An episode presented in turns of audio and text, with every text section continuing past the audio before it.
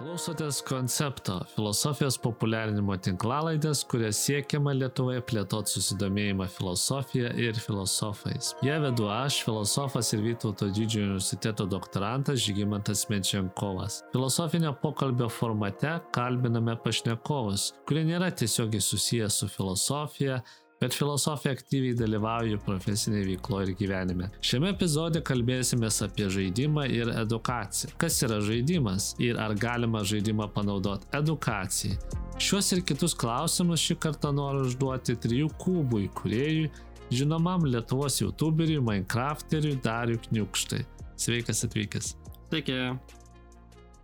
Mūsų filosofinis pokalbis susidės iš trijų dalių - tai susipažinimo, paskui žaidimo analizės ir edukacijos žaidimo pagalba aptarimo. Turbūt vyresniai tikralaidės auditorijai būsi mažiau žinomas, tad ar galėtum save trumpai prisistatyti, ką šiuo metu gyveiki gyvenime ir koks yra tavo statusas, kas esi ir kaip save apibrieštų? Jo, tai sveiki, ačiū žygimantai už pakvietimą dalyvauti. A, tai man, jo, aš Darius Kniukšta, a, man yra 25 metai, šiaip a, augęs esu pajūry šventojui, mokiausi palangoj ir po to iškeliavau studijuoti į Vilnių VGTU. Tai mano, mano gyvenimo istorija yra stipriai susieta su, su kompiuterio, su kompiuteriniais žaidimais, nes gana ankstyvoje ankstyvais metais, kai man buvo 14 metų, buvau 8 klasėje, man labai patiko kompiuteriniai žaidimai, juos daug žaisdavau. Ir, ir pradėjau, ir atsirado toks mano naujas hobis, kadangi man labai patiko kūryba, tai sužinojau, kad vat internete galima kurti vaizdo įrašus apie dalykus, kurie tau patinka o man patikdavo kompiuteriniai žaidimai, tai aš ir nusprendžiau, uh, su draugu kartu pradėjome kurti uh, video įrašus internete, tiesiog naudojant uh, žaidimus. Ir, ir jo, tai, vat, tai buvo toksai labai paprastas pabandymas be jokių kažkokių tikslų, tiesiog toksai jaunolio kūrybinė saviriška, galbūt pasakyčiau. Ir aš kažkaip į šitą dalyką taip rimtais ir nežiūrėdavau. Pats planavau, galvojau, kad ateityje būsiu ar mokslininkas, ar gamta, ko gero kažkas, kad su gamtos mokslais arba su informatika, nes man šiaip ir programavimas patiko, ir patinka, ir fizika, matematika. Tai, bet taip gavosi. Tokia mano istorija, kad aš kai pradėjau kurti video 14 metų, aš lygi šiol dar ir kuriu 10 metų. Ši, šiais metais buvo 10 metais, kaip kuriu video ir esu pasiekęs beveik šimto tūkstančių sekėjų visoje Lietuvoje iš jaunimo. Tai su manim užaugo keletą jau realiai kartų vaikų, žiūrėdami mano internetinius vaizdo įrašus. Ir taip gavos, kad uh, iš esmės aš pats užaugau tom. Tai realiai aš jau daugiau artėjau prie to laiko, kad aš jau daugiau laiko apskritai gyvensiu kaip video kuriejas negu visa kita. Tai va, ir, ir vat, prieš kokius penkis metus pastebėjau, kad uh, tiesiog man patinka gyvenime ieškoti uh, iššūkių ir mėginti iškelti kažkokius savo iššūkius vis sudėtingesnius ir sudėtingesnius. Tai vad prieš penkis metus supratau, kad uh, kūryba apie video kompiuterinius žaidimus man labai patinka, bet noriu dar kažką aukščiau pabandyti. Ir man labai uh, domina švietimas. Tai vad ir pradėjau galvoti, uh, Ar įmanoma kažkaip ta tokia e, jaunimo energija, kuri yra internete, kuo jaunimas domisi, ką jie ten veikia ir ką man pačiam teko veikti ir matyti, ar įmanoma tai panaudoti ugdant visuomenę, ar dėgiant kažkokias vertybės, ar padedant jaunimui, ar grinai einant į švietimą. Tai va, tai va prieš penkis metus pradėjau iškėliau tokią savo klausimą ir va dabar uh, mūsų, mūsų startuolis įmonė praeitais metais buvo Lietuvoje nominuotas kaip geriausias metų skaitminių švietimo produktas ir apskritai kažkur top penktas visos Europos metų jaunuol, jaunimo startuolis visoje Europoje. Tai va. Tai nes mes iš esmės kūrėme švietimo, na, kaip ir uh, pratybas ar užduotis mokykloms ir bureliams, kur vaikai mokinasi būtent per kompiuterinį žaidimą. Tai va, tokia trumpa istorija. Viename pokalbėje minėjo, jog iš dabartinės perspektyvos, vertinant savo gyvenimą ir savo pasirinkimus, pradėjai kurti per YouTube platformą įvairiausių žaidimų epizodus, norėdamas pabėgti iš mokyklos. E, kokia buvo mokykla, e, vertinant kaip sistema, iš kurios norėjosi pabėgti ir ką kūryba YouTube, YouTube platformoje tau suteikia, to, ko negalėjo suteikti mokykla? Šitas klausimas yra tiesiai dešimtukas, kuo aš dabar gyvenime ir gyvenu, kokia mintimi. Dėl to, kad uh, Aš visą laiką jaučiau mokykloje, kad kažkas buvo ne taip. Man patiko mokykla, aš iš ties buvau tas mokinys, kuris ten galėjo mėgautis ją ir aš surasdavau mm, bendra, bendras mintis su ir mokytojais ir man ten gerai sekėsi. Bet visą laiką jaučiau, kad kažkas ten yra ne to. Ir, ir, ir va to dalyko nelabai suprasdavau. Ir, na, laisvalaikiu kurdavau video ir va dabar pradėjau dirbti švietimo sferoje realiai. Ir taip gaunas, kad prieš kokius tris metus, na, uh, aš realiai, an, aš pirmą pradėjau kurti švietimo produktą, o tik tada po to pradėjau domėtis apie patį švietimą. Tai mhm. toksai pavėluota reakcija, bet uh, gal kartais taip ir būna natūralu. Ir, ir vad, kuo aš daugiau dabar domiuosi apie švietimą, skaitau apie pedagogiką, apie teorijas ir, ir apskritai apie raidą vaiko ir žmogaus, aš vis labiau pradėjau suprasti, ką iš ties, kas iš ties man vad buvo YouTube video kūryba ir kas man buvo mokykla ir kas, kas buvo tas jausmas, kad kažkas ne to. Ir vad vienas iš tų pagrindinių dalykų yra, kad uh, nors man, aš tikrai buvau gabus, bet mano gabumai nebuvo paverčiami į sugebėjimus. Dėl to, kad manęs niekada nemotivavo siekti daugiau negu reikalavo sistema, kuri iš esmės uh, tiek ir klasėse eina visi vaikai vienodų, visiems vienodai metų Taip. yra ir visi turi mokintis tuo pačiu greičiu, nesvarbu, kad visi skirtingai mokinasi. Reikalavimai nes... tie patys. Taip, turbūt. Mhm. reikalavimai tie patys ir dalykai net ir tie patys, galėjai ten minimaliai pasikeis kažkokius dalykus, bet tai yra labai minimalus uh, toks prisitaikymas to turinio švietimo. Ir bet aš tiesiog supratau, kad uh, aš aš, pavyzdžiui, galėdavau ateiti fizikos uh, uh, pamoką, aš atsimenu, uh, ten reikėdavo išmokti naują temą ir aš nesimokindavau namuose, nes aš 10 minučių prieš pamoką persižvelgdavau greitai pamoką ne. ir aš galėdavau ateiti pakalbėti, pristatyti tą temą taip, kad mokytoja man su pagirimu dešimtuką dar prašydavo, kad super gerai esu įsigilinęs tą temą. Ir aš tiesiog, man tai žiauriai patiko. Bet va čia ir buvo problema niekada mano šitas dalykas nebuvo kažkur užkabinamas. Nie, mokykla niekad neskatino, kad aš kažką su šito veikčiau. Ir va, va šitoje vietoje ir buvo ta problema, kad mokykla turėdavo tokį tiesinį kelią, kur turi prisitaikyti prie kitų ir tas toks žmogaus individualumas niekada nėra patestuojamas, net prie jo nei kiek nėra prieinama.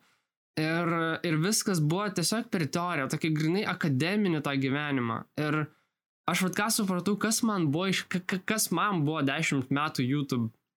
Aš supratau, kad tai, kad aš dabar esu vadinamas entrepreneris, tai yra kuriu švietim, apsitai kuriu startolį, mhm. tai viskas yra dėl to, kad aš pirmą buvau YouTuberiu nes mane tai įgalino kurti, nes mokykloje niekada tavęs, ta, tavęs visą laiką prašydavo pasakyti atsakymą, bet niekada neprašydavo iškelt klausimą. Ir va šitą dalyką man ir leido padaryti YouTube.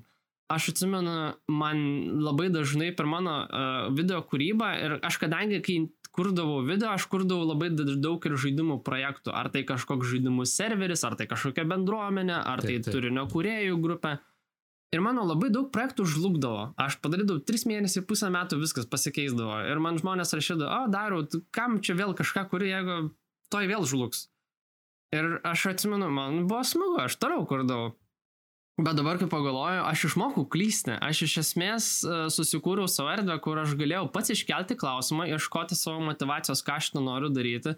Ir mane tai galino dar, aš manau, kad mane dabar ir yra tai įgalinę, kad uh, na, aš tiesiog nestojau galvoti kažkokių klausimų ir pats juos mėginu išsikelti ir ieškoti, ko aš noriu iš gyvenimo ir tiesiog veikti su šito dalyku. Tai va aš manau, va, va čia buvo toks pagrindinis skirtumas tarp mokyklos ir video kūrybos. iš principo kūryba YouTube platformoje tai yra savotiškas e, naujų žemių paieška, e, savarankiška naujų žemių paieška, kur tu atsirandi Taip. kažkokio nežinomo žemė ir tu bandai Taip. ieškotis ir, taip sakant, analizuoti tą aplinką ir, ir čia labai e, paminėjai apie tas savo nesėkmės. Man yra klausimas kitas iš esmės. Ką esi tuo metu egzistenciškai, kaip pabėgęs iš mokyklos, kai bandėjai kurti, daryti, mhm. ką esi išbandęs per tą visą savo kūrybos laiką ir kaip tau tada tos nesėkmės, jos, kuriuose paminėjai, kur tave nuvedė? Jo, nesėkmės labai svarbus etapas, norint apsitai atrasti save. Ir aš tiek dabar irgi galiu pasakyti specifinius momentus mano gyvenime, kai tai buvo ir kas mane pakeitė, tiek aš dabar pastebiu tarp savo bendramžių, kurie irgi mato, matosi, kad per tas pačias problemas eina ir kad uh, mokykla realiai tas, pas, ta, tas pačias problemas sukuria ir kitose, tik tais vieni anksčiau, kiti vėliau tai sugeba taip, taip. atrasti. Ir e, aš, kaip, kaip ir minėjau pradžioje, aš, aš save įsivaizduoju ateityje kaip gamtos mokslų mokslininką ar kažkokį žmogų dirbantį toje srityje, programuotojas, fizikas. Ir aš šiaip aš jau 12-11 klasėje turėjau 60 tūkstančių sekėjų ir aš nemačiau ateities šitame dalyke. Taip. Šiaip dar įdomu tai, kad apskritai aš esu vienas iš pirmųjų YouTube video kuriejų Lietuvoje ir seniau tai, tai, tai, tai nebūdavo perspektyvi profesija, tai iš ties nelabai buvo pavyzdžių. Dabar tai yra labai super perspektyvi profesija ir tikrai galima labai gerai uždirbti iš to. Bet va tais laikais, tai va aš 12 klasėje vis, vis tiek po universiteto, tiksliau po mokyklos įstojau į taikojamą, taikojamąją matematiką mhm. Vilniaus mm. universitete.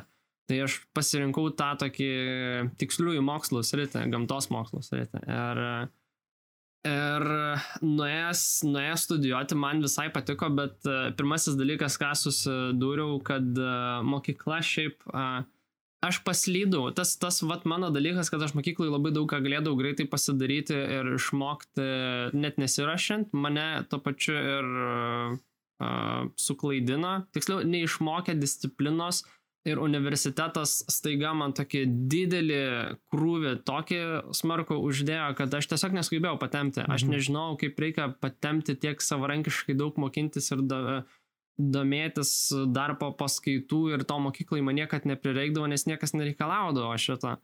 Tai vad e, universitete vad supratau, kad e, aš kažko nepasiemiau iš mokyklos, ko reikėtų vad tokias studijus, tokią sferą studijuoti. Ir aš tiesiog pamačiau, aš pamačiau ir tada pagalvojau tokį dalyką. Aš kai grįžtu iš universiteto, aš einu kurti video, daryti tiesioginės transliacijas, organizuoti kažkokią renginį, eiti į mhm. renginį. Ir aš tom gyvenau, vat, grinai, po universiteto aš tom gyvenau ir aš, pavyzdžiui, universitete matematikos studijose aš mačiau žmonės, kurie vat, grįžę po namų eidavo matematiką spręsti.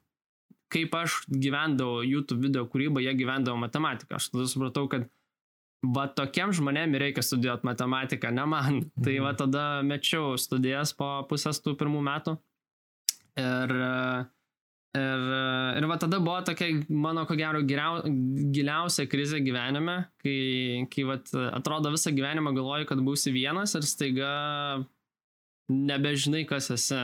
Tiesiog viena šaka atkrito, o kitos niekad kaip ir nebuvo. Ir aš savo tą ir video kūrybą ne, nemačiau kaip perspektyvę, nežinau, man nelabai patiko, kad aš ne, kažkaip nesidau, kad visą laiką, visą gyvenimą dabar video kursiu tiesiog tokius apie žaidimus galvoju. Kažkaip keista, kažkaip ne to, ko aš norėjau. Net neturėjau kažkokios perspektyvos vizijos ateityje, kažką tokio grand daryti.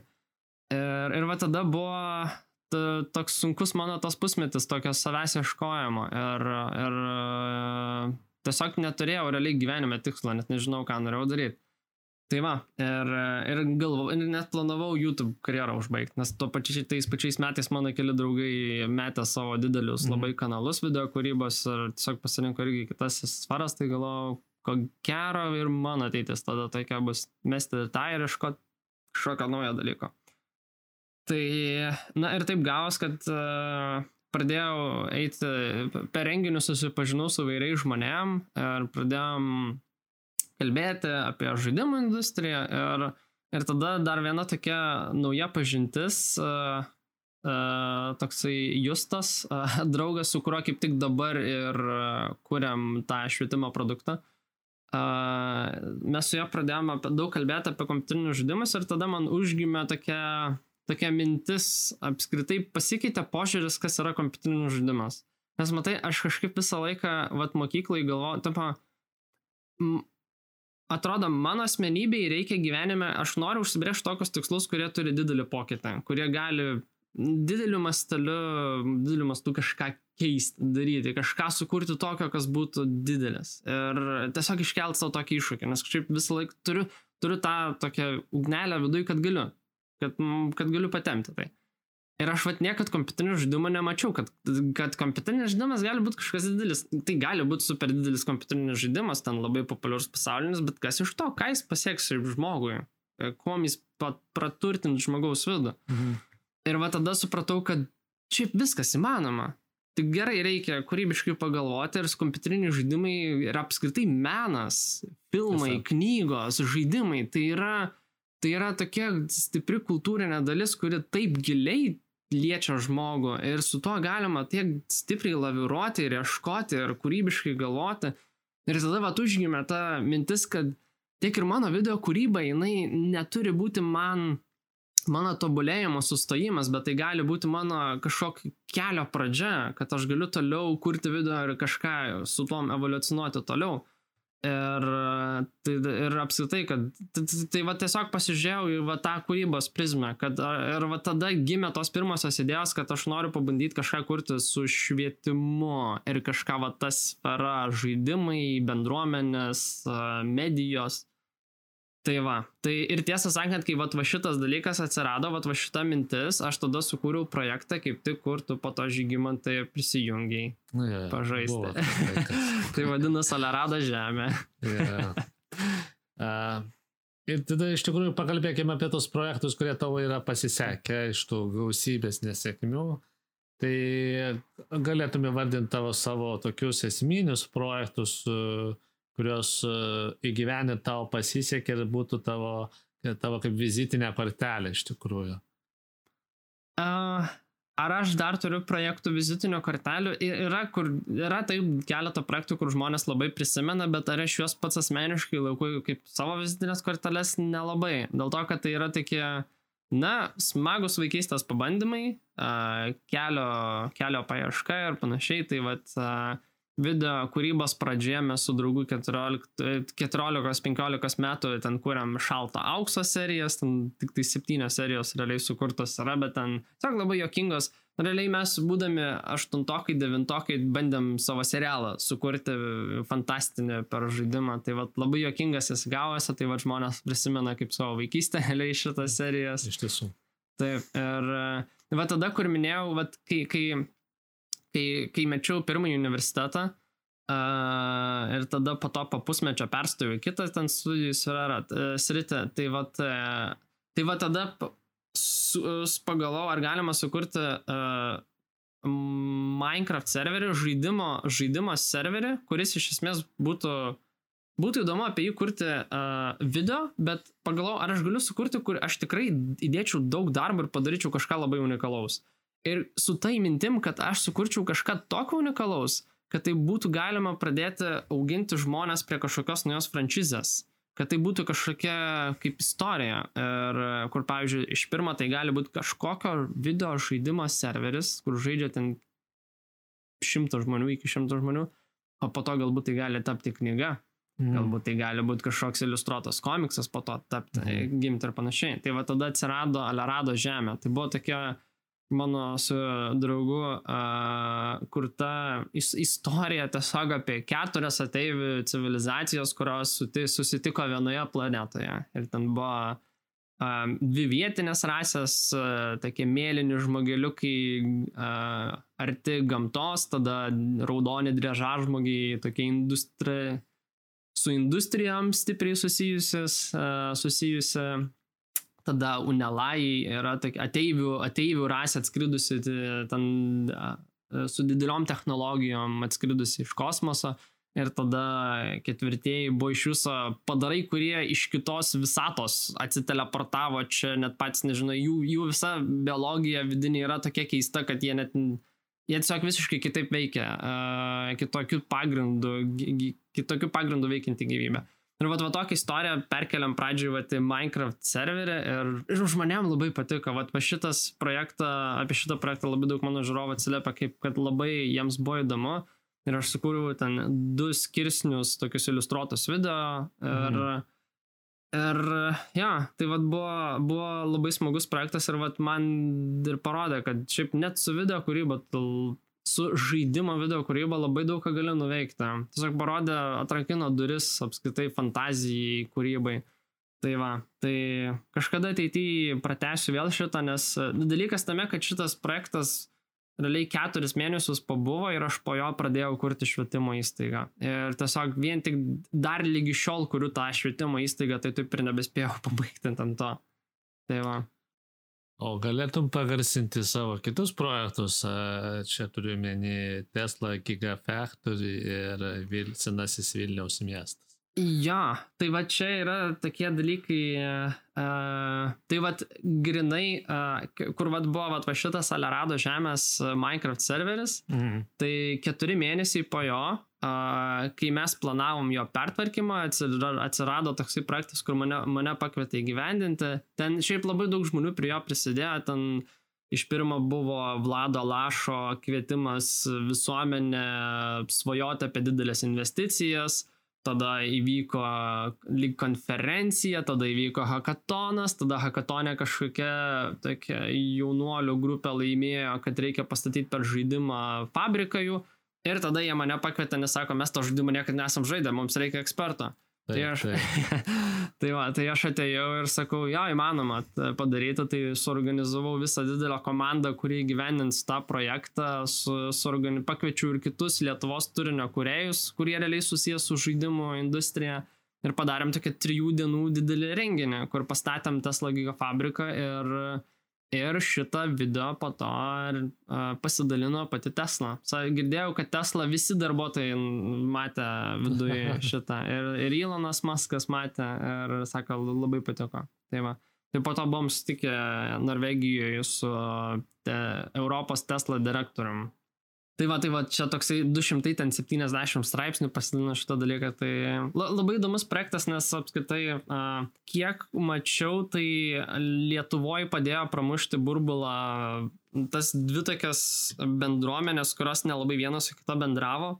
Tai yra apskritai žaidimų industrija ir kom, va, kom jaunimas internete gyvena ir likusi visuomenės dalis. Nes atėjo, atsimenu, žurnalistai po to projekto ir pas mus ten buvo daug turinio kuriejų, kurie vat, padėjo įgyvendinti. Ir Sakė, oho, mes nežinojom, kad jūs egzistuojat. Nors mes tuo momentu jau surinkdom mili... ten sudėjus milijonais peržiūrų, mes realiai kaip naujienlaiškių portalai ten realiai varydavom, o jie net ne, nežinojo, kad mes egzistuojam. Tai va. Tai va, tai va toks įdomus projektas ir aš, man jo nauda va ir buvo. Net Tesla pasidalinimas, bet va, tas toksai bendruomenės suartinimas, susipažindinimas, toks kaip pirmasis toks rankos paspaudimas tarp tokių, tarp jaunimo pasaulio internetinio. Tai va. Tai va. Tai, tai va, va šitas dalykas buvo vienas irgi iš tokių dar didesnių spyrių, kad reikia judėti ties, uh, pabandyti sukurti, paieškoti projektų, kurie va, yra susijęs su kompiuteriniais žaidimais ir švietimu. Ir Tai vad e, po metų, ne, po kažkur pusantrų metų e, laimėjom vieną Vilnius miesto savivaldybės projektą, kur kartu su, kartu su valdovų rūmais atstatėm per Minecraft virtualią erdvę Vilniaus centrą ir e, penkiais skirtingais laikotarpiais. Tai vaikai gali realių mastelių nusikelti per, nuo kaip dabar atrodo Vilniaus centras ir keltis žemyn į Žygimant Augusto laikus, tada Vytauto didžiojo, tada Gedimino laikus ir tada iš viso prieš Gedimino laikus, kaip atrodė. Tai va toksai didelis projektas, du mėnesius, penkiolika statytojų ten statė ir konsultavome su valdovų rūmais, tai labai, labai detaliai atkurtas. Tai va, tai... E, prieš einant prie filosofijos, e, labai svarbus klausimas pats asmeniškai kaip tu supranti filosofiją, kas tavo, kas tavo manimu tai yra filosofija? Mm, filosofija, manau, yra labai žmogiškas dalykas. Tai yra mokslas apie mąstymą.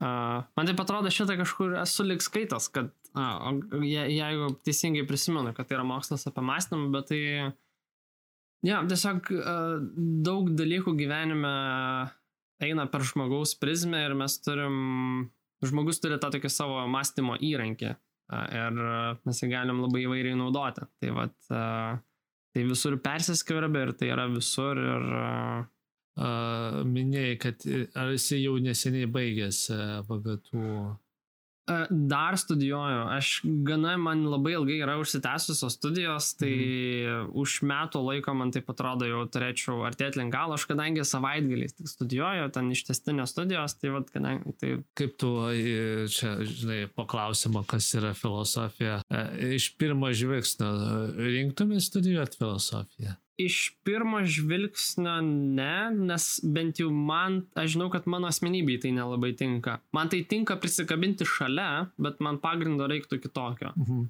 Supratau. O kas, ne, kas konkrečiau netinka? Aš nežinau, ar aš turėčiau tokios e, fantazijos, e, turėdamas vien tik e, filosofijos pagrindus kažką kurti ar daryti. Aš bent jau filosofiją įsivaizduoju tokį kaip, bent jau mano asmenybei, tai uh, man labiau reikia pradžioje labiau specifinių kažkokios specifinės uh, profesinės specialybės, kur ant, ant kurios viršaus tada libdai. Nes, va, pavyzdžiui, nu, tiesą sakant, tai truputėlį taip ir gavosi man, nes kažkaip aš pastebėjau, kad dabar aš, kokia mano specialybė, šiaip nelabai net ir turiu specialybės, bet pavyzdžiui dabar ir tam, kur su švietimu daug darome, tai apart to, kad vat, kuriu ir tą švietimo verslą, pats ir prisidedu prie turinio kūrimo. Mm. Ir mes dabar irgi uh, vat, pradinių klasių ugdymo programą žiūrim ir paverčiam į žaidimą ir galvojam naujus scenarius, bet Iš mes galvoju, tai toksai kaip ir žaidimo dizainerio rolė, ir žaidimo dizaineris, ir scenaristas, ir tiek aš apsatai vat, apie, e, apie rašymą esu ir skaitęs knygas, ir domėjęsis, taip ir man tai patinka, ir vat, supratau, kad ir vat, filosofija čia yra kitas jau žingsnis šito dalyko. Nes e, labai daug yra tokio mąstymo, kur na, pačiam reikia priimti sprendimus ir apstai galvoti, o kam, o kam tam tikri dalykai turi būti priimami ir tokie, kur nėra tokio aiškaus kelio, tai...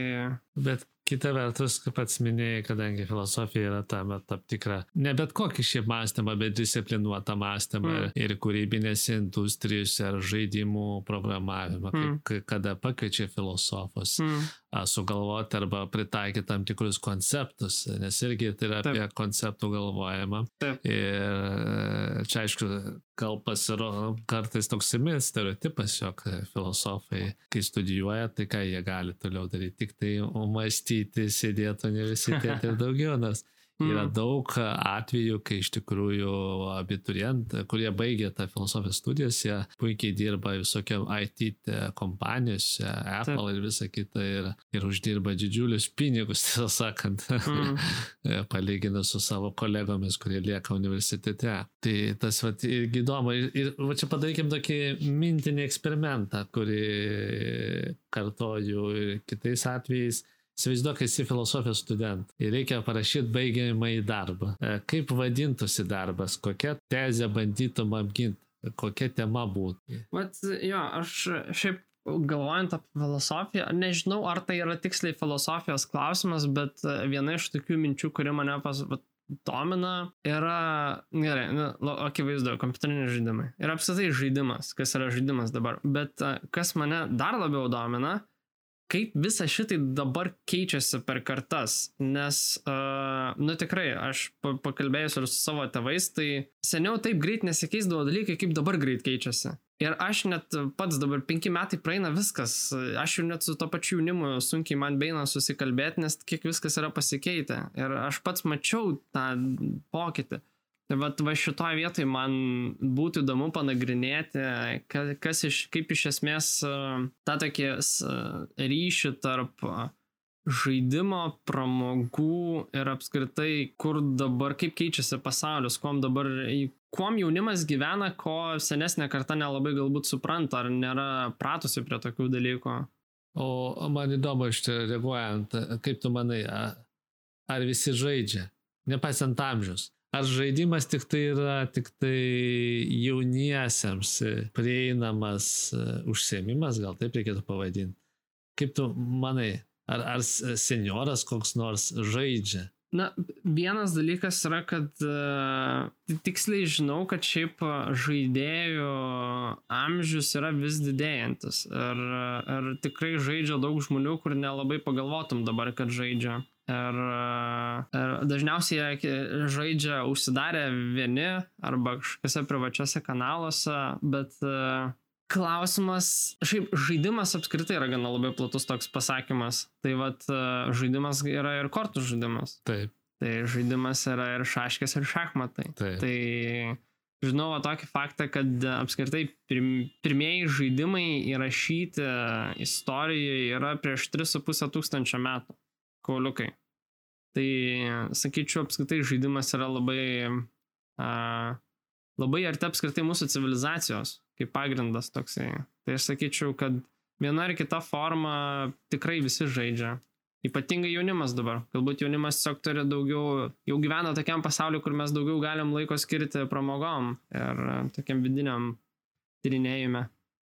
Teisingai, teisingai. Ir, ir, ir tai čia labai puikus provas, puikiai proga mums dabar padaryti tokį tyriminį darbą po truputuką ir, Ir pakalbėkime apie žaidimo fenomeną. Čia e, žaidimo kaip tokio, ne susijęto su kompiuteriniais žaidimais ar mm. šaškiam ar kortom, Taip. bet pats, e, kaip tu sakai, mūsų civilizacijos tam tikras viena iš šių veiklos gal e, rūšių. Tai tik tai šitoj vietoje klausytojams noriu pasakyti, jo kalbėdami apie žaidimo fenomeną remsiuosi filosofų Heideggerio pasikėjų Eugenu Finku kuris parašė Laimės oazę esė apie žaidimo ontologiją.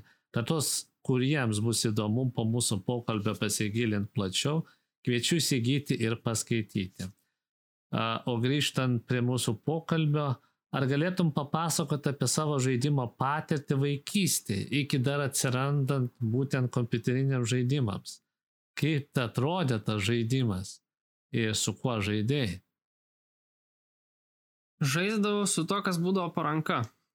Tai mes uh, viską imdavom į žaidimą. Imdavom, uh, imdavom nieką, tiesiog tais, taisyklių susikūrimas, uh, imdavom pagalius miške ir žaisdavom. Tai po to atsirado, atsirado, žaislai visokiausia. Tai tas žaidimas iš esmės, žaidimui net nereikia, nereikia nieko. Žmogaus protas gali pats jis kartą. Tai, tai vat, tai vat vaikystėje nuo to, ko gero, viskas ir prasidėjo. Ko gero, daugumai vaikystėje nuo to ir prasidėjo. Kaudynės, lėpynės, žemė yra lava. taip, taip toliau. Taip, taip. tai va. Ir čia labai įdomu, aš koment, pakomentuosiu kai kuriais tarpais iš pačio Finko filosofijos. Tai jisai prašinėjo struktūrą pačio žaidimo ir išskiria penkias e, tokias kaip e, kritinės savybės. Mhm. Tai viena iš savybių yra žaidimo žaislas. Ir kaip jis aprašinėja žaidimo žaislą. Būtent yra turintis e, toks dvilypumą reiškinys, kuris sukuria tam tokius dvi, du pasaulius. Iš esmės, lasda gali būti kažkokį įgauna tam tikrą vaizdinį kažkokio daikto, mhm. bet tai nėra taip, kad e, tuo metu, kai tu žaidži, dinksta tas realusis pasaulis. Kad nėra taip, kad dinksta, tas, ta, dinksta lasda.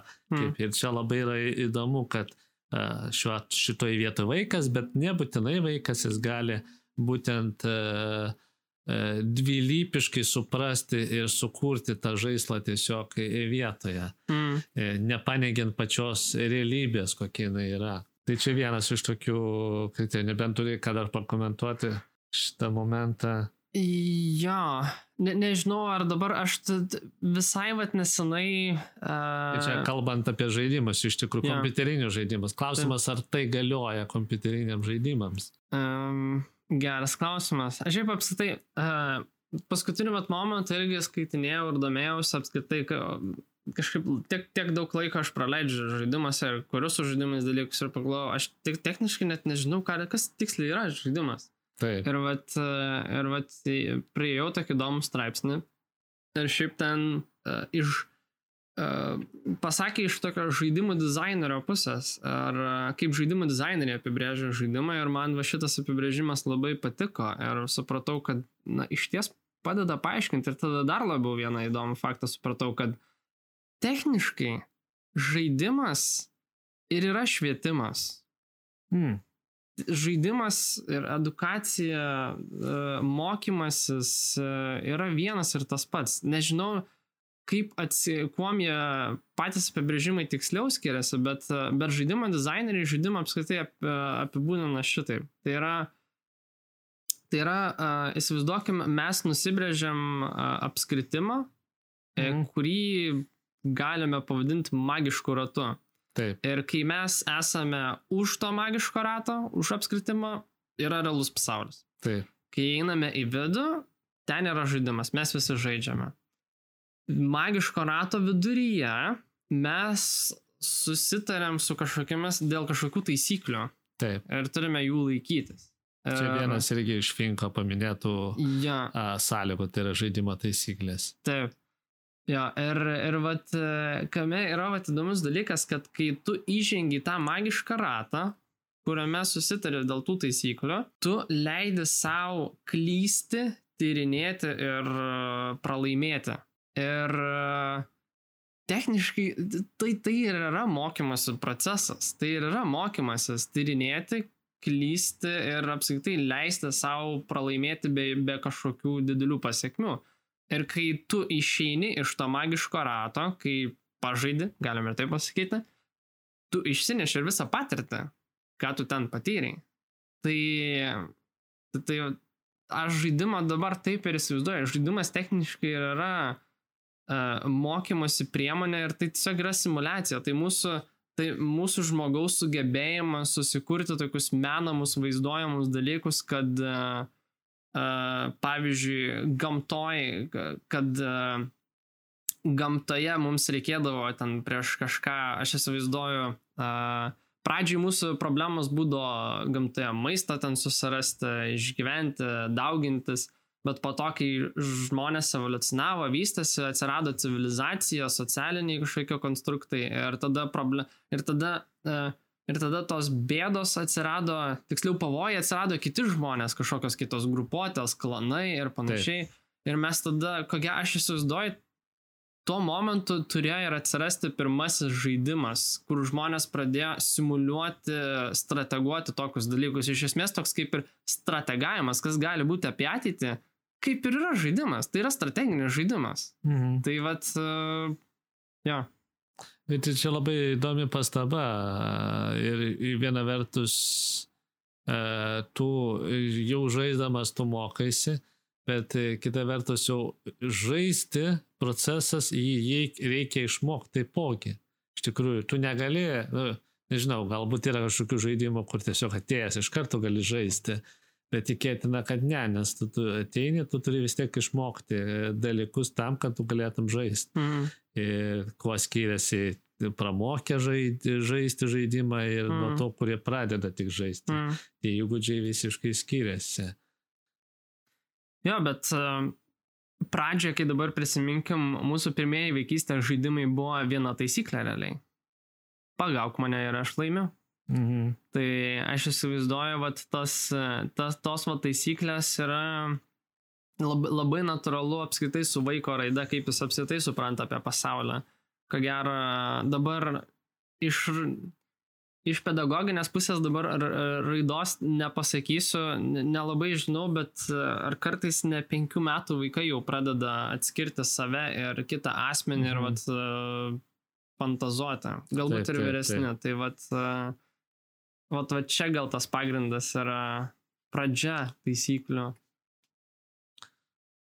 Mm, pats minėjai apie savo tą tokį kritinį požiūrį į apskritai tai, ką tu darėjai.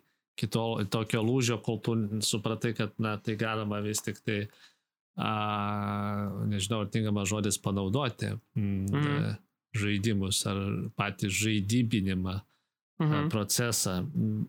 Kaip pabandytum, nes vis tiek tas įsitikinimas jis iš kažkur ateina apie tai, kad žaidimas yra betikslis, e, bevertis užsiemimas. E, kaip, aš dabar jau net ir pats atsakiau klausimą, bet e, pabandyk gal sureaguoti, tai ar tai yra tik tiek tradicinis įsitikinimas apie žaidimą, arba gal tu išplėstum tą tradicinį įsitikinimą apie žaidimą? Koks dažnai būna vertinimas apie patį, e, pačią veiklą žaisti žaidimus? Čia yra ateities darbas įsiaiškinti šitos dalykus, nes aš įsivaizduoju, kad uh, tas visas stereotipas ir požiūris apie žaidimą labai glaudžiai eina apskritai su su labai daug kuom, su, su visai apskritai žmonių istorija, su kuom, kokiam problemam žmonės susidurdavo visuomeniai tais laikais, ar, ar kuom gyvendavo, kokios būdavo tos problemos, ar iššūkiai, kokios vertybės buvo pagrindinės tais laikais. Ar žinau, kad pavyzdžiui, vat, kad, kodėl labai daug kas sako, kad uh, kompiuteriniai žaidimai ten keikia, kenkia akim ir sveikatai. Taip. Ir, na, dėl to, kad kas, visko, kas, ko yra per daug, yra negerai ir nesveika, bet seniau, pavyzdžiui, kompiuteriniai žaidimai būdavo tik tais rusiuose, kur būdavo labai tamsu ir, ir tu tą vadinamą refresh rate, tai yra kaip, realiai tu mat, žai, matydamas ekraną, tu matydavai, kaip jis blikčia Taip, taip. Kai, kaip jisai lietai atsikrauna. Uh, ekranai tiesiog buvo prasti. Pirmosios technologijos. Ir va tada jo, tada tikrai gadindavo akis ir žmonės vat, yra, vat, vyresnė karta yra pripratę vat, ir tokių dalykų, jie matė, tai jie tom gyveno ir jų, jų pasaulis ir yra toks, jie tai prisimena. Ir vat, aš įsivaizduoju ir vat, apie kompiuterinius žaidimus ir apsiptai apie žaidimus vat, yra daug tokių gerais galinė visokiausių, visokiausių laikų, grupių, istorijų, kur vat persipinę. Ir tai vat atnarplėti šitai suprasti yra tikrai sudėtinga ir turi skirti daug laiko domėtis apie istoriją ir apsitai socialinius ryšius, ko gero. Ir tik tais aš vat irgi pastebėjau, kadangi taip jau gavos, kad gyvenime man pradėjau anksti kurti video žaidimus, tos tiksliau uh, uh, video. Tai vad, kai jau realiai atvažiavau į Vilnių studijuoti, aš jau turėjau dešimtūkstantinės auditorijas savo žiūrovų. Ir vat, kai nuvažiuodavau į renginius, dažnai ateidavo fotografuotis jaunimas ir panašiai. Ir taip pat dažnai man tekdavo ir su tėvais tada susipažinti. Na, nes mhm. tėv šeima eina ir vaikas taip, taip, pasako, taip. o mama, aš čia mano žvaigždė. Ir uh, tada tėvai sako, ką tu ten darai, kas ten vyksta, arba ten, ne, žodžiu, kartais būna, kad mes pakalbėdavom. Ir, ir vat... Uh, ir kas būdavo, ir vat, ką prisimin, prisimeni iš tų pokalbių su tėvais. Jo, ir vat... Uh, Ir vat tiesiog pradėjo kažkada susidaryti tas toksai įspūdis, kad, nu jo, iš ties apie kompiuterinius žaidimus iš ties yra labai bloga nuomonė visuomeniai. Ir aš suprantu dėl ko, nes aš pats vaikystėje buvau tikrai, uh, nu, pasakyčiau, ne, nežinau ar pasakyčiau priklausomas, bet uh, praleidau ten nenormaliai daug laiko. Ir, ir aš žinau problemas, dėl ko tai buvo. Dabar esu kaip ir išsigilinęs, išnarplėjęs šitos dalykus ir tai yra susijęs su na, įvairiausia galybė mokykla, draugai, vieta, kur gyveni, santykiai šeimoje ir na, labai daug kas viskas susideda. Tai vad, kompiuteriniai žaidimai man irgi buvo toks pabėgimas, kur mane, kur mane kažkas supranta, kur galiu daryti tai, ką iš ties noriu daryti, o niekas neįrodinėja ir panašiai. Ir tai vad, tai vad supratau, kad jo, visuomeniai tikrai yra problema apie kompiuterinius žaidimus ir vat, va šitoje vietoje tiesiog, kad uh, apie juos iš ties yra sudėtinga suprasti, supratau. Kad, uh, kad tevam iš ties reikia įdėti daug pastangų, kad mokėtų apie tai suprasti ir uh, suprasti, ką vaikas ten daro, nes tiesiog tai yra nauja. Aš, pavyzdžiui, prisimenu save ir savo tėvus, Tai tevam, tėvai užaugo visiškai kitokiam pasauliu negu aš. Taip. ir, nu, aš visiškai kitokiam. Ir, ir, ir vat kompiuteriniai žaidimai ir apstai internetas buvo jiems super nauja, bet, bet aš kaip ir pradėjau aukti tom dalykui. Ir vat, vat va šitoje vietoje pagrindinė va tokie dalykas yra tiesiog ta kartų skirtumas, kur viena karta, galim jas pavadinti uh, labai fainas terminas, man labiau patinkantis uh, skaitmeniniai imigrantai, mm. uh, o aš jau ir ko, ko gero ir to jau skaitmeninis vietinis. Yeah. Tai va, tai ir va tas kartų skirtumas, tai kad iš ties visuomenėje, kaip, va, pavyzdžiui, ir tas pavyzdys, ta buvo Tesla gigafabriko statybos, ar ateina žurnalistai ir sako, o mes nežinom, kad Lietuvoje yra ten video žaidimų turinio kuriejų, kurie ten turi šimtą tūkstantinės auditorijas. Nes reiškia, kad apstita vyresnė visuomenės dalis nelabai yra įsigilinę iš tos dalykus ir nėra niekur informacijos, nėra švietimo, apie tai nėra kalbama, kaip tada tevams suprasti, ko nežinai, iš to truputėlį kyla ir baime. Nes tas tai natūralus toks žmogaus vidinis dalykas yra, ten ta nežinia ir duoda baimę ir tada pasėja visus šitos tokius neigiamas reakcijas ir, ir draudimus ir panašiai. Tai vad, uh, manau, šitas uh, pasikeis, kai vat, tie skaitmeniniai vietiniai uh, bus patys mokytojai, pedagogai ir dirbs ties to, kad tai, apie tai būtų šviečiama ir kai žmonės supras, kas tai yra, mokės tai ir padaryti, kad tikrai nebūtų blogų dalykų. Tai vat praeito amžiaus viduryje filosofas Finkas jau, kaip sakant, jis sugebėjo išanalizuoti būtent žaidimo fenomeną ir, ir tokį padarysiu trumpą ekskursiją, ekskursą, o tave paprašysiu pakomentuoti galbūt. Tai filosofas Finkas kritikuoja pirmiausia darbo ir žaidimo atskirimą. Iš tikrųjų, pas mus do, dominuoja įsitikinimas, arba bent jau jo metais dominuoja įsitikinimas, kad e, darbas yra svarbu, mūsų svarbu gyvenimo dalis, o žaidimai yra betikslis, e, bevertis laiko eikvojimas, paraštinis fenomenas, toks e, kažkaip nereikšmingas ir nereikalingas. Tai tą kritikuoja Finkas. Ir anot filosofo, iš tikrųjų žaidimas kaip toks yra mūsų egzistencijos vienas iš pamatinių fenomenų. Šalia darbo, meilės ir mirties. Ir tik toks fenomenas, sekdamas būtent Heideggeriu, kaip mirtis ar darbas, nes mirtis ar darbas yra, turi tą galutinį rezultatą, yra kažkur nukreiptas iš esmės. Mūsų egzistencija pagal Heideggerį tam tikras projektas ir mes nuolat mirštam ir einam į pabaigą ir mūsų, mes realizuojamės jau kaip mūsų mirtime. Tai sako, kad atvirkščiai nei šitie svarbus fenomenai nuo Heideggerio, tiksliau nuo Finko, e, žaidimas yra kiek kitoks fenomenas. Jis kaip tik neturi to galutinio tikslo. Jis yra a, dabarties fenomenas. Ir a, jo manimu, kitaip nei darbas ar mirtis neturi galutinio tikslo, žaidimas žmogų ištraukia iš kasdienybės dykumos, darbo ir kovos ar meilės. Todėl žaidimas ir yra vadinamas laimės oazė, kaip jo esi ir pavadinti. Mm -hmm. Tokioje oazėje, kuri tu gali atsipūsti, laikas mm -hmm. sustoja, Kitaip tariant, Finkas cituoju, žaidimas dovanoja dabartį. Mhm. E, ir žinoma, jo manimo žaidimas nėra betikslis, nes žaidimas pats savaimės turi tikslą. Mhm. E, savo vidinius tikslus. Mhm. Kaip tau šitoks Finko fenomeno analizė žaidimo fenomeno analizė. Labai įdomi. Jau tikrai žinau, kad norėsiu ateityje apie tai ir pats paskaityti ir pasidomėti. Uh, šiaip įdomus dalykas, kad uh, kai va dabar irgi pasiklausiau šitas mintis, uh, ir yra dalis manęs, kuri šiek tiek nesutinka. Prašau. Uh, bet jos negaliu įvardinti. Bet tai toks yra, va čia, va čia yra filosofijos menas, ko gero, mhm. girdėti skirtingas mintis ir, ir skaityti ir turėti į, įvairių požiūrį tos pačius dalykus, nes niekas nėra juoda ir balta. Ir vat, labai įdomi mintis, va, tas, tas vat, kad jau tikrai aš irgi jaučiau šitą dalyką. Darbas yra reikšmingas, žaidimas yra bevertis visiškai.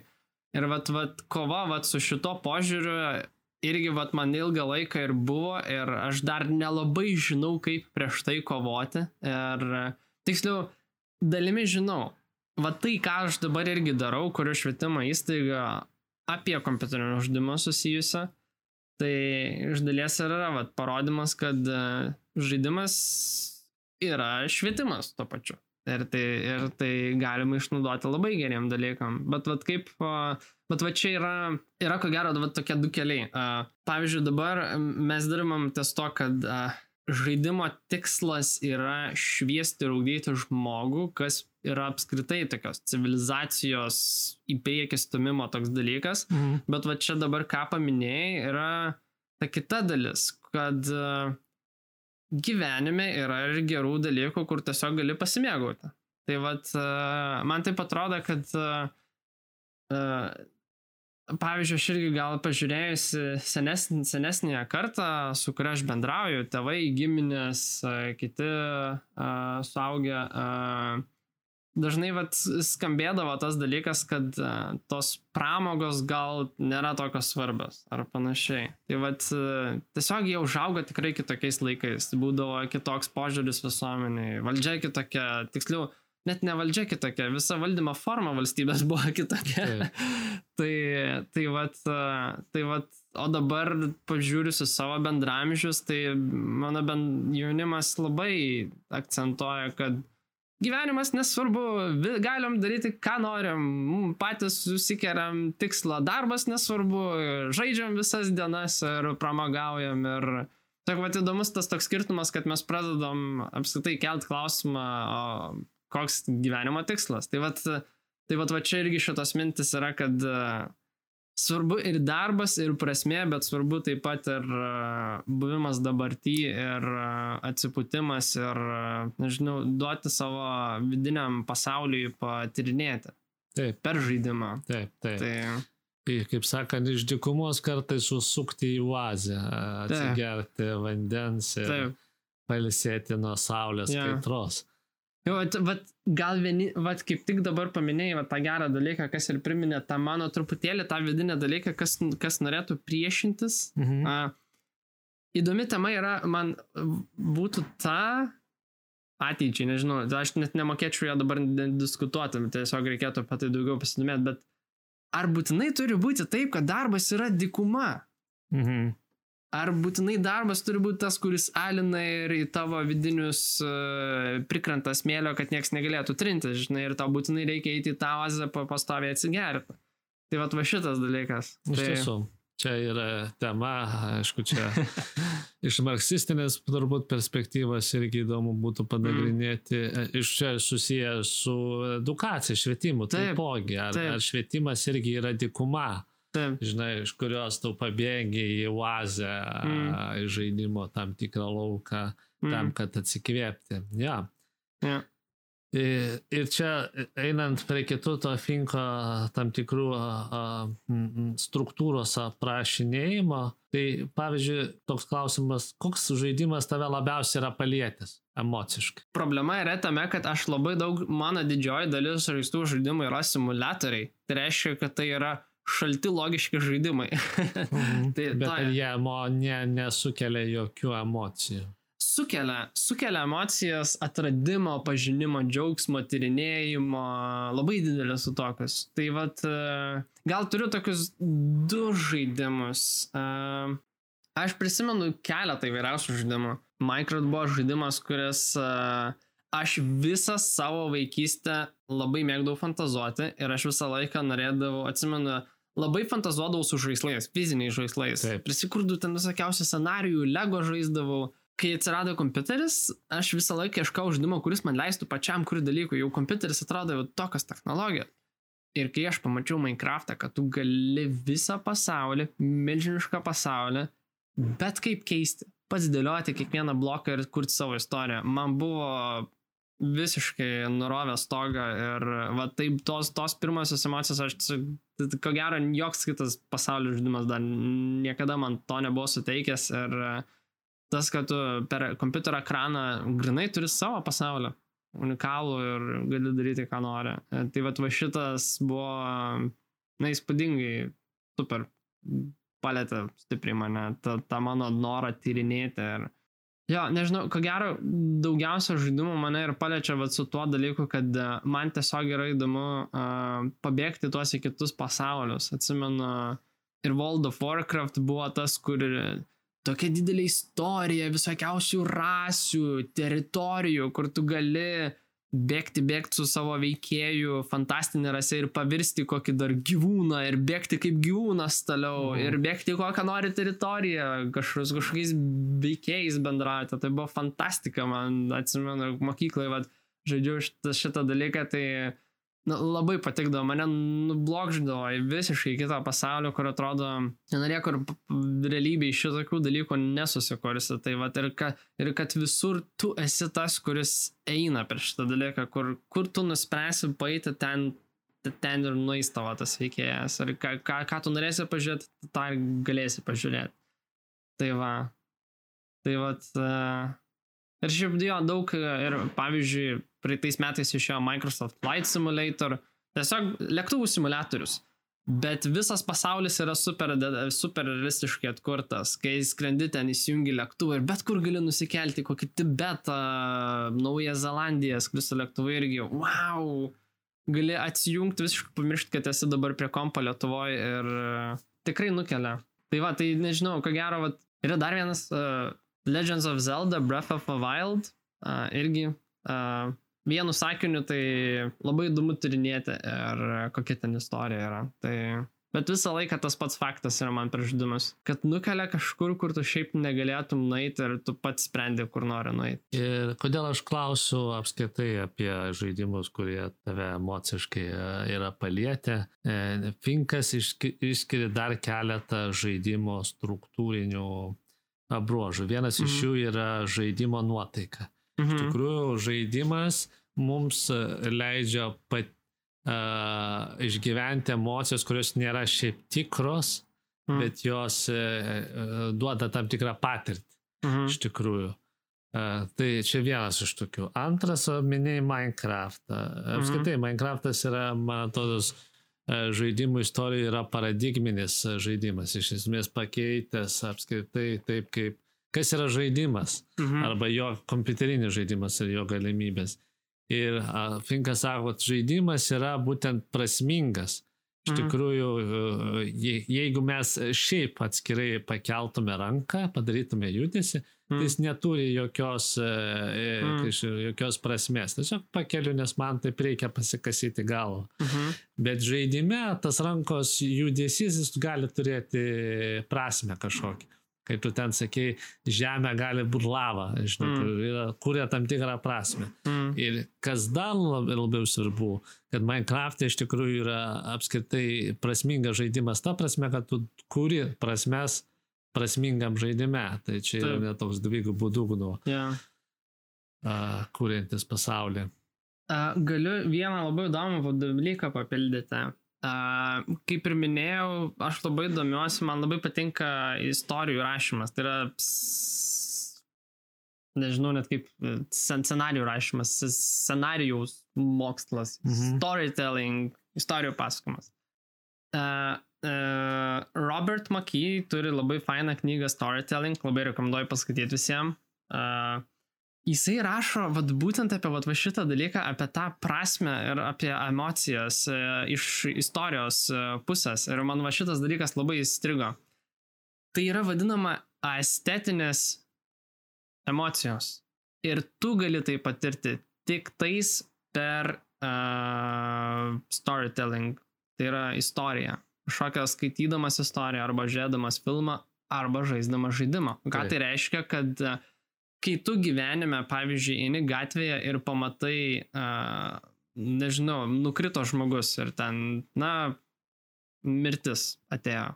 Ir tu gatvėje tada išsigasi, skambinsi greitai, galvosi, kaip įspręsti situaciją ir panašiai. Na ir po kokio, nežinau, gal mėnesį, du prisiminsi vis šitą įvykį ir po kokio trijų mėnesių pagalvosi, apskritai iškelsi, hmm, mirtis na, pradėsi filosofuoti ir galvoti apie mirties klausimą, apie pagalvosi apie savo vidų ir panašiai. Ir kame yra dalykas, kad tik tais per istoriją per istorijų pasakojimą, per žaidimą, per filmą, per knygą, tu gali tai patirti vienu momentu, ko negali gyvenime patirti.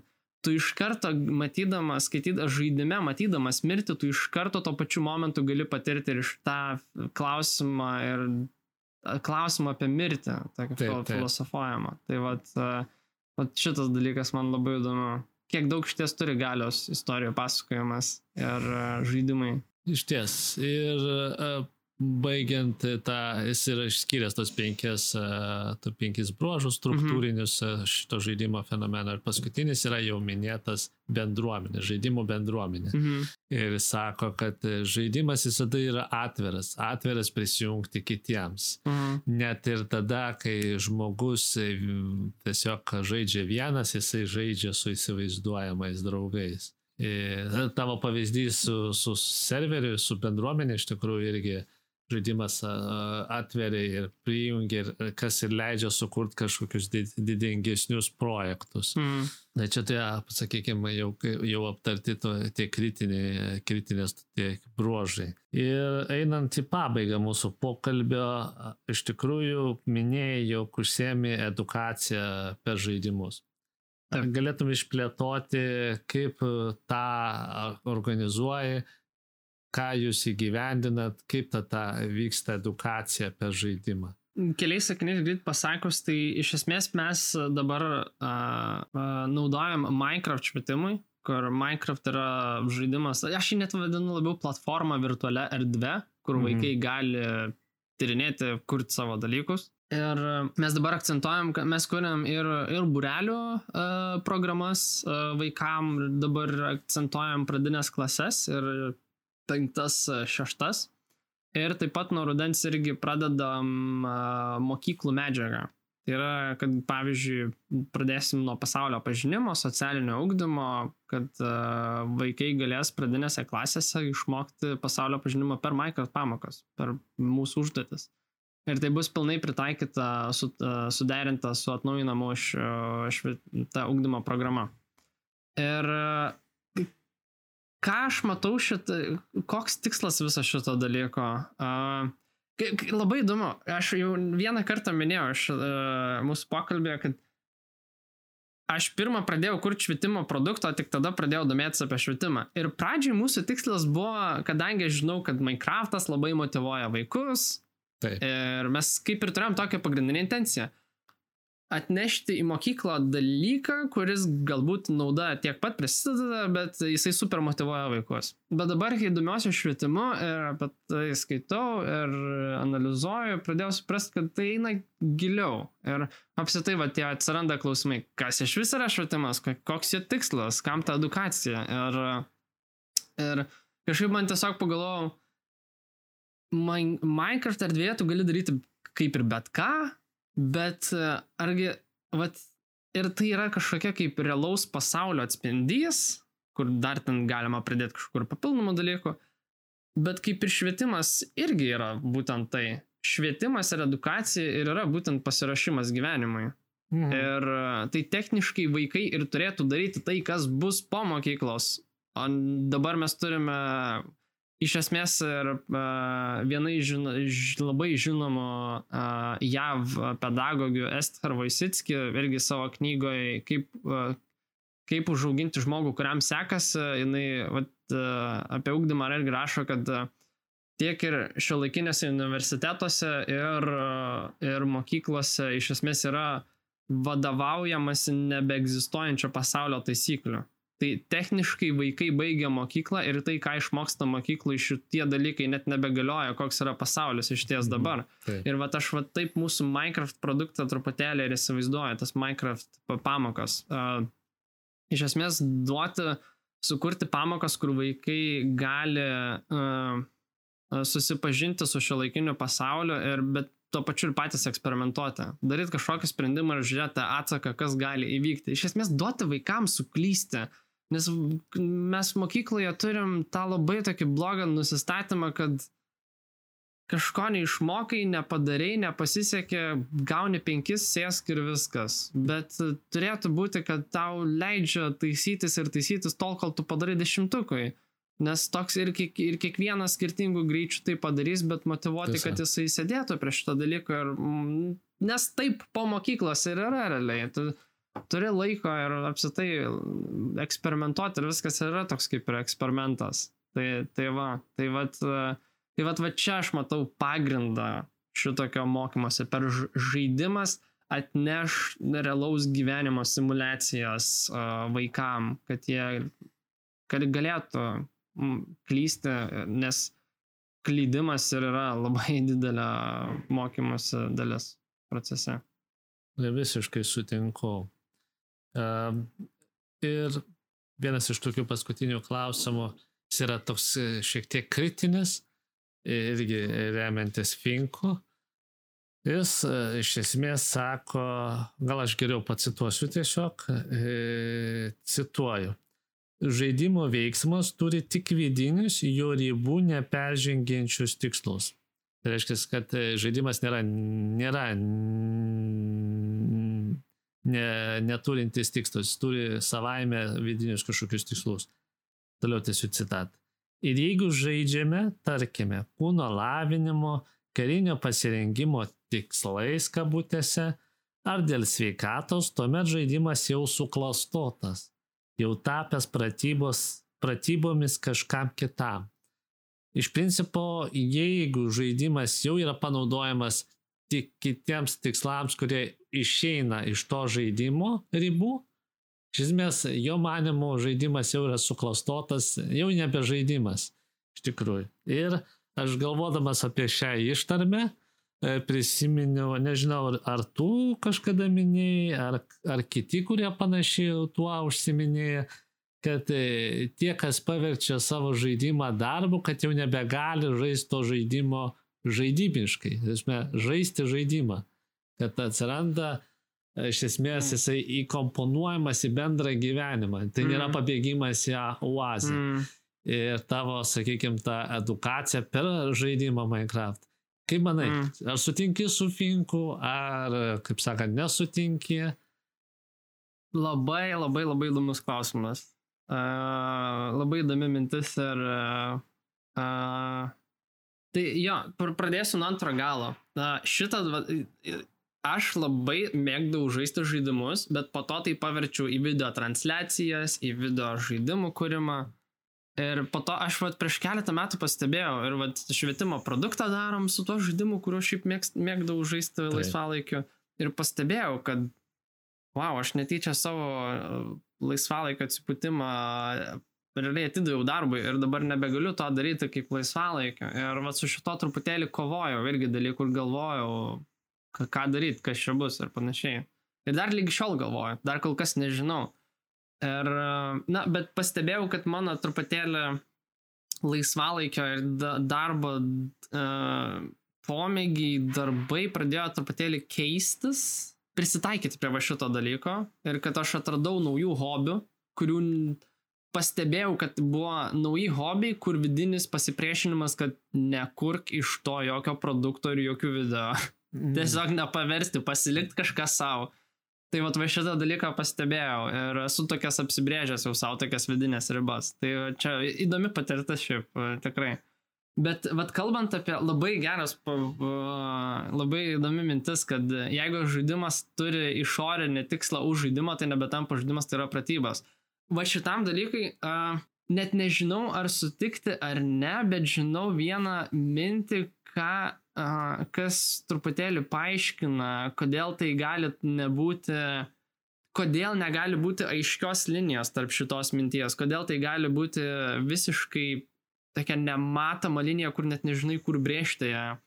Aš, aš ėjau vieną kartą tokius pedagogikos mokymus apie, net nežinau, kaip dabar tiksliai pasakyti, apie ką ten yra, bet gal tokį vidinio talento atradimą arba mm, vid, ai va, vidinės darnos ir, ir uh, vidinės darnos ir profesijos ir polsio suderinimas kažkoks. Tai ten buvo ten kelių savaičių mokymai ir, bet vat labai įdomi mintis. Uh, sakoma, kad yra, kad žmogus turi uh, talentus ir prigimtis Ir talentų ten galima išskirti, išskirti kažkur 10, ir realiai ir prigimčių ten galima išskirti 10. Pavyzdžiui, duosiu pavyzdį, kokie gali būti talentai ten muzikinis, uh, klausos arba ten koks tarp asmeninis, uh, kūrybiškumo, uh, bendrinis kūno intelektas,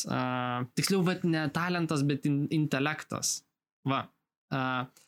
Ir, o prigimtis, tai pavyzdžiui, pri, e, administruojanti prigimtis, rūpinimosi prigimtis, na įvairiai, vien žodžiu. Bet esmė yra kame. Ką, kokią ten įdomią mintį pasakė, kad kiekvienas žmogus turi savo unikalų paketą visų šitų dalykų. Talentų ir prigimčių, tiksliau mhm. intelekto. Mhm. Ir mes kiekvienas vat ateinam su savo. Ir, vat, pavyzdžiui, Mokyklose mes iš ties turim tokį dalyką, kad ne visos prigimtis ir ne visi e, intelektai yra paliečiami. Kai kurie vaikai išeina iš mokyklos net nežinodami, kad jie turėjo tam tikrą intelektą. Ir va čia yra labai didelė problema. Bet pagrindinė mintis sakė, kad juos reikia žiūrėti kaip tigrus, kurie yra alkani. Tai dabar įsivaizduokim, grįžtam prie žaidimo. Uh, aš įsivaizduoju, kad žaidimo kartais kaip uh, pavyzdžiui, gerai, strateginis kažkoks žaidimas. Tiesiog žmogus gali turėti tą talentą ar kažkokią prigimtį norėti strateguoti ar logiškai mąstyti. Ir tu būtent tą savo ta, talentą, intelektą pamaitini žaidimu. Ir vat va šitoj vietoj, ar tada tai vadint pratybos, jeigu tu maitini savo vidinį tokį traškimą kur kaip ir pratybos, bet to pačiu kaip ir tavo vidinis dalykas, kur tau kaip ir sieja su profesija, bet kartais ir, bet daugumą atvejų profesijos ir yra tai, tu labai mėgsti daryti. Tai va šitoje vietoje, va tą mintį, kur paminėjai, tai man va tiesiog panaikina tą tokį kirtimą per vidurį, bet yra tokio pilka. Na, taip, yra tas dvi pusės, bet kur, kur yra ta riba, žinai. Tai va čia filosofija dar daug vietos e, apie tai mąstyti ir bandyti ieškoti konceptualių atsakymų į tai. Taip, taip. E, mūsų laikas jau eina į pabaigą, o, o klausimų dar begalės. Reikėtų vėl dar kokį kartą susitikti.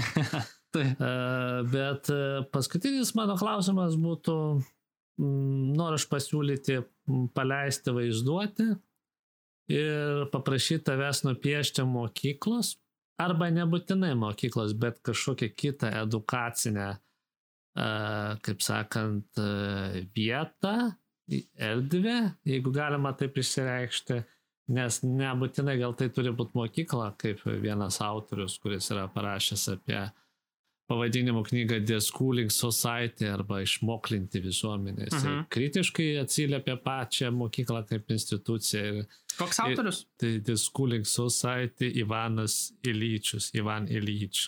Jo, aš apie šitą knygą buvau girdėjęs tikrai pavadinimą. Tai ko gero yra, yra tikrai mano sąraše, ką reikės perskaityti. Tai toks e, išmoklinti visuomenę, kitos knygos yra išleidę. Mhm.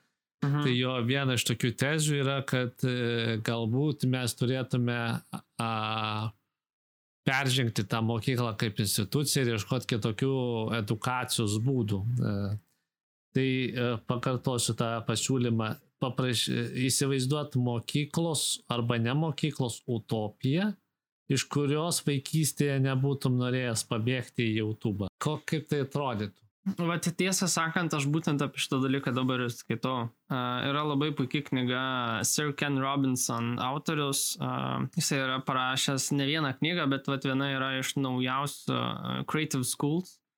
Ir ten vat būtent uh, apie tai ir šneka, kad uh, šiaip visame pasaulyje švietimo problemos yra beveik tokios pačios, bet atsiranda pavyzdžiai, kur, kurie tiesiog yra nuostab, nuostabios mokyklos. Ir, ir dažniausiai kas yra bendra tarp jų, ką šiaip pasakoja patys jų įkūrėjai, kad e, mokykla kaip institucija ir apskritai mokykla, mokykla susidaro iš labai daug ko. Tėvai, mokytojai, direktorius, įmonės visokios šalia esančios, e, vadovėlių teikėjai, e, technologijų teikėjai, mokiniai, bureliai, tiesiog tiek daug kas sueina į mokyklą ir, ir va tas su dar mintimi, kur ir anksčiau sakiau, kad techniškai mokykla ir yra vaikams simulacija į realų gyvenimą. Mhm. Tai aš mokyklą ir įsivaizduoju bendruomenės vieta, tiksliau tokia kaip...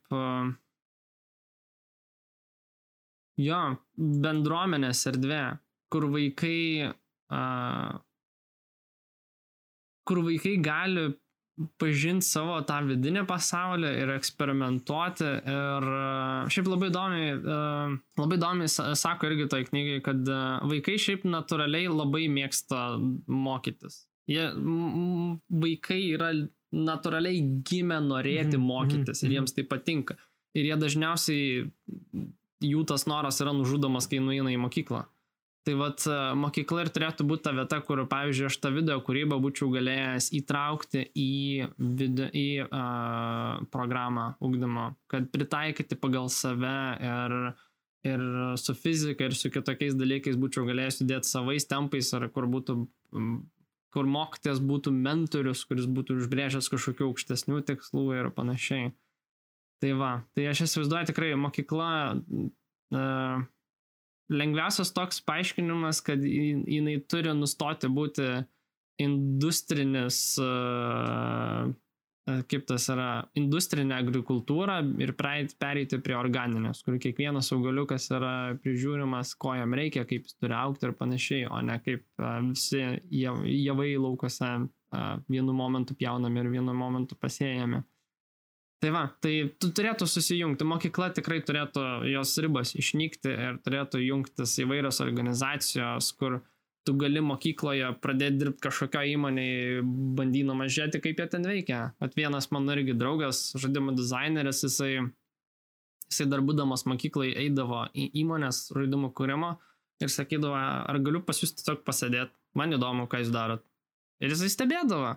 Ir jisai neėjo universitetą ir jisai dabar yra super žaidimų dizaineris. Nes jis buvo toj virdėjai. Va štai ta- tai mokykla ir turi ta- tapti. Ačiū, kad atvykai ir pabandėm kartu prisilies prie filosofijos. Ačiū tau. E, Tikiuosi, kad e, e, kai kitas iki paklausiu, ar norėtum studijuoti filosofiją, atsakysi taip. ir e, ačiū klausytojams, iki kitų e, susimastymų. Ačiū. Iki.